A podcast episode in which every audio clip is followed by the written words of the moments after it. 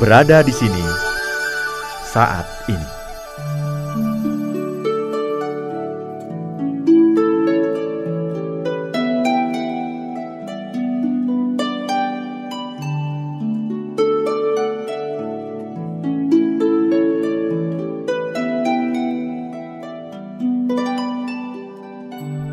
Dua orang astronot mendapatkan tugas untuk melakukan penelitian di bulan.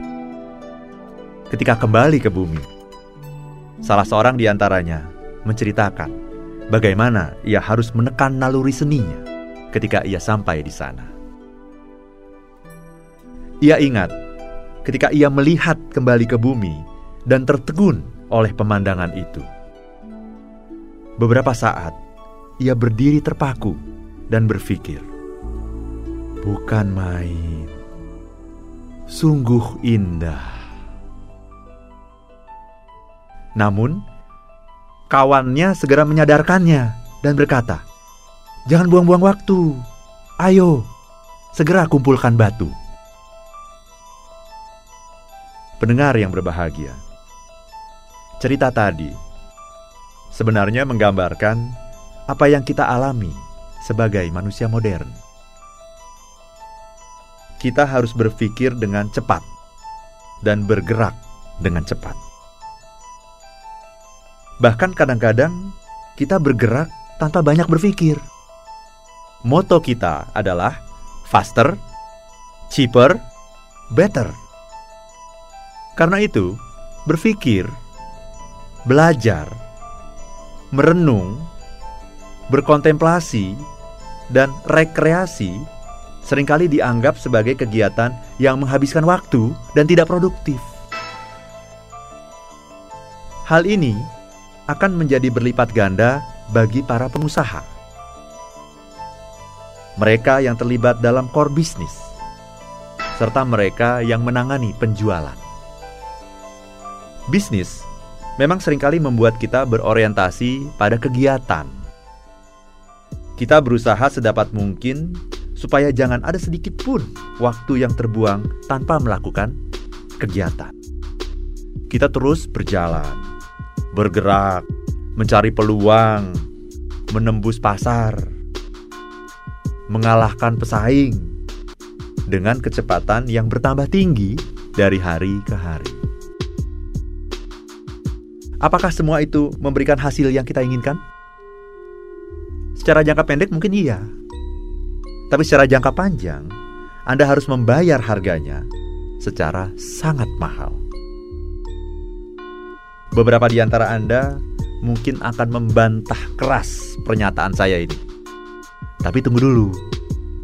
Marilah saya jelaskan kepada Anda apa yang saya maksud.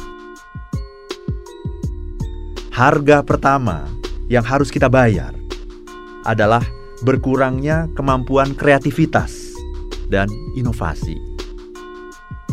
Ini resiko yang terkait langsung dengan kegiatan bisnis itu sendiri. Kegiatan bisnis yang bertubi-tubi telah menyandra pemikiran kita.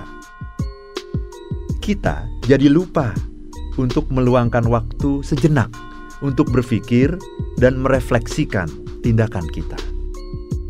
Kita akhirnya hanya menjadi robot dari target-target kita. Kita hanya melakukan bisnis as usual. Benar, kita menjadi sangat tangguh, disiplin, dan memiliki motivasi yang tinggi. Tapi lama-kelamaan, produk kita menjadi aus dan ketinggalan zaman. Makin cepat, tidaklah akan menjadi makin baik kalau kita bergerak ke arah yang salah. Bisnis sering kali hanya memikirkan jam dan lupa memikirkan kompas. Harga kedua yang harus Anda bayar adalah berkurangnya kebahagiaan dan kenikmatan dalam hidup Anda. Padahal apa sih yang Anda cari di dunia ini? Pekerjaan ataukah kebahagiaan? Di sini juga ada rumus yang menarik.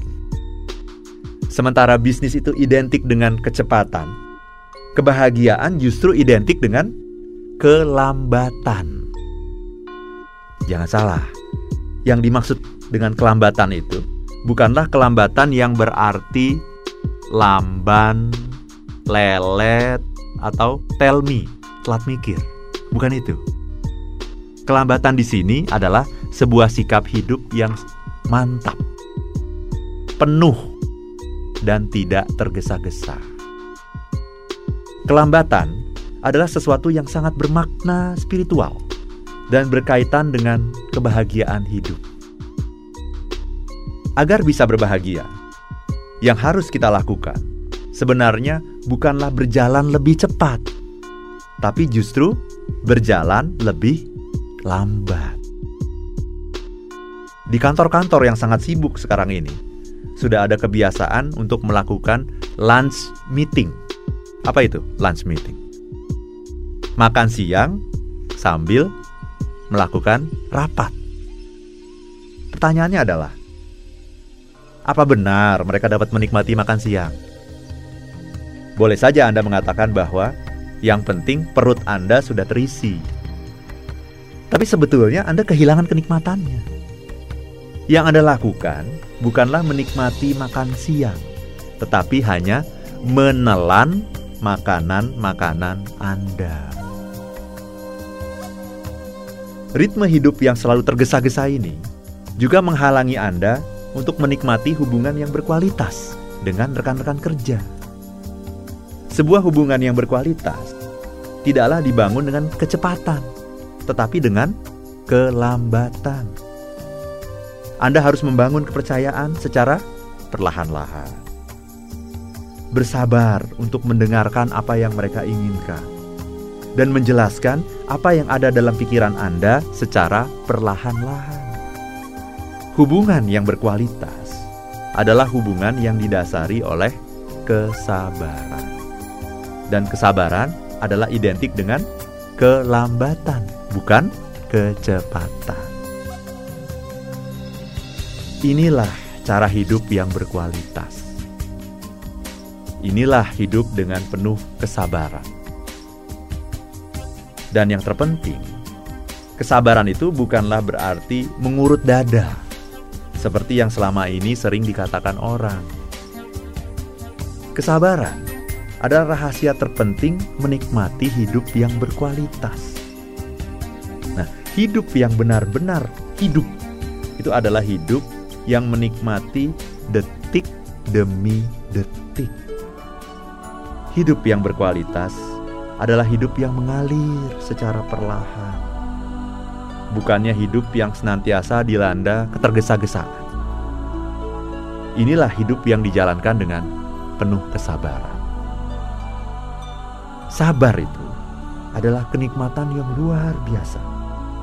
Sabar bahkan merupakan kunci utama untuk memasuki spiritualitas, untuk memasuki kebahagiaan kita memang perlu memberikan makna yang baru terhadap kata sabar.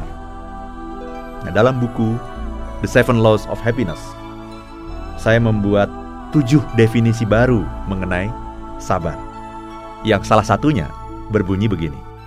Sabar adalah menyatukan badan dan pikiran Anda di satu tempat. Untuk dapat menikmati hidup, Anda harus hidup di masa kini.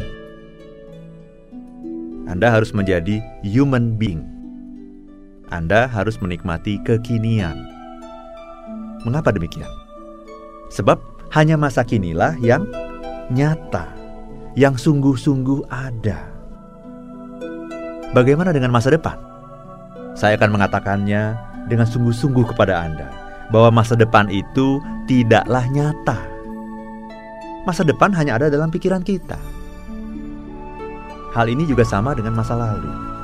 Masa lalu juga tidak nyata. Nah, dari sini kita dapat membedakan tiga jenis manusia. Manusia pertama adalah orang yang hidupnya di masa lalu. Orang ini tidak akan pernah maju karena mereka telah mengikat pikirannya dengan hal-hal yang telah berlalu yang telah mati, yang telah usah. Kebalikan dari tipe pertama ini adalah manusia tipe kedua, yang banyak dijalani oleh para pebisnis dan profesional yang selalu tergesa-gesa dalam hidupnya. Mereka memang terus maju, tapi persoalannya mereka tak pernah berada di masa kini. Mereka senantiasa hidup di masa depan yang sesungguhnya juga tidak nyata. Kedua tipe ini tidak akan pernah mencapai kebahagiaan. Manusia tipe kedua tadi itu mungkin hanya mendapatkan kesuksesan, bukan kebahagiaan.